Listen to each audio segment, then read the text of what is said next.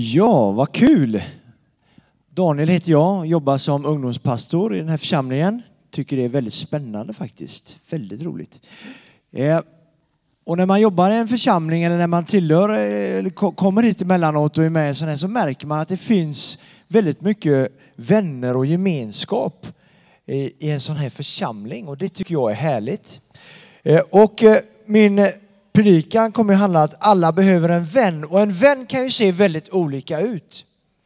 Eh, för mig är ju detta en kär vän alltså.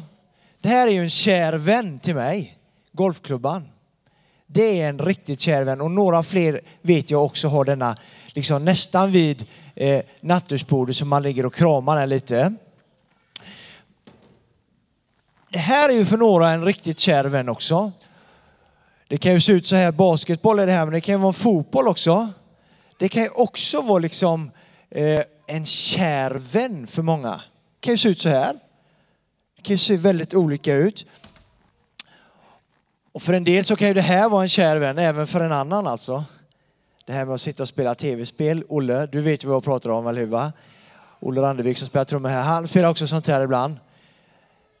Så. Och sen så finns det ju böcker, man kan läsa böcker böcker och det finns jättemycket som, som kan vara en kär vän. Det här är ju för många en väldigt kär vän alltså. Hur många har inte en sån här som kompis?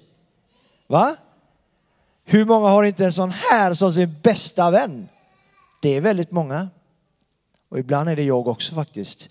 Man tittar på den, man har den med sig överallt, man kramar den hårt, man är rädd om den. Inget får gå sönder. Man vill inte tappa den eller någonting och den är väldigt, väldigt kärvänlig. Men jag tror att allt det som ligger på golvet här, bollar, böcker, telefoner, allting sånt, är ju inte några äkta vänner. Eller hur? Vi vill ju ha äkta kompisar.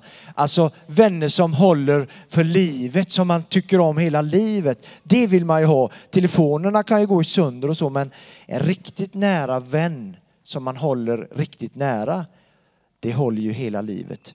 Alla vi behöver en vän. Alla människor, även både de yngsta och även de äldsta, behöver faktiskt en kompis. Man behöver en nära vän att umgås med. Man behöver relationer att prata med. Att ha vänner tillsammans är fantastiskt. Att ha kompisar och göra roliga saker med, eh, göra alla de här grejerna ihop med någon kompis är ju jätteviktigt och jätteroligt. Vi är alla behov av det, att ha relationer och kompisar. Så här säger Bibeln om vänskap ifrån Ordspråksboken 17 och 17 så står det så här från Gamla Testamentet. En vän visar alltid kärlek. En broder är till för att hjälpa i nöden. Och visst är det så det ska funka när man har kompisar. Man ska ha kompisar som vill visa kärlek mot mig, omsorg, men också finnas där då när det händer någonting i mitt liv. När det blir jobbigt. Allting är inte alltid så roligt i livet. För vänner är ju egentligen bara vänner när de finns där när det inte känns bra. Alltså så länge allting är bra och så här, då kan vi umgås. Men de riktigt sanna vännerna, de finns ju där när livet inte riktigt går som jag hade tänkt det. När livet inte är så skönt att leva, då är det ju alltid härligt att ha vänner runt omkring sig som bryr sig, som vill ta hand om en. Att få en kram av en kompis eller vän när man mår dåligt är ju ganska härligt. Och här, jag, jag tänker så här, att alla vi har ju olika sorters vänner. Jag hade vänner när jag var liten. Jag minns Anton, en kompis till mig. Vi gjorde allt tillsammans. Vi eh, spelade fotboll tillsammans. Vi liksom följde hela VM 94, den här oändligt, den härliga grejen som vi fick följa när vi var små. Vi byggde kojor ihop. Alltså jag minns liksom allt detta jättemycket. Och en sån kompis som Anton kan jag ju fortfarande ringa, även om jag bor i Bankeryd och han bor på Donsö där jag kommer ifrån, så kan vi ändå prata med varandra. Alltså de här kompisarna som bryr sig lite och som finns där när jag mår lite dåligt ibland. Det är ju härligt. Jesus är ju en kompis till mig. Alltså Jesus är en kompis till mig som jag kan umgås med. För alla mina kompisar som är nära, eh, som jag kan ringa och umgås med, man berättar inte alltid allting för, för dem, utan när jag ibland är ensam med mig och får liksom lägga mig i sängen och tänka så här, ja, men Jesus, tack för att du finns där för mig.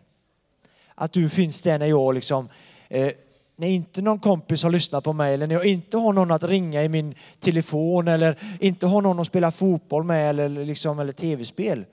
Så tänker jag så här, Jesus han finns alltid där.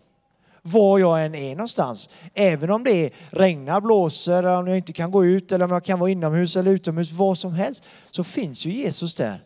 Då kan man prata med honom. Och så här går en sång som handlar om Jesus. Jesus är min vän, åh vad det känns gött. Jag kan inte jättebra sjunga, men ni förstår ju. Vi går så här. Han tycker om mig och undrar hur jag mår. Och sen fortsätter den så. Och ja visst, eller hur? Jag känner att jag är lite tonfisk här va? Lite tonfisk på mig va? Och jag tror att, eh, fick jag en sån här klapp in igen där? Vad gott! Inte. Eh, jag tror så här att Jesus, han finns där för dig och mig. Han vill vara din och min bästa vän. Du vet den här bästa, allra bästa, bästa kompisen som aldrig sviker dig. Det vill Jesus vara. Ska vi be tillsammans? Jesus, tack för att du är den bästa kompisen. Tack för att du finns där i alla väder Jesus. Oavsett om jag mår superbra eller mår riktigt, riktigt dåligt så finns du där och vill hjälpa mig och stötta mig. Tack att jag får vända mig till dig då. Och tack för att jag får läsa så mycket om ditt liv i Bibeln. Tack för det. Amen.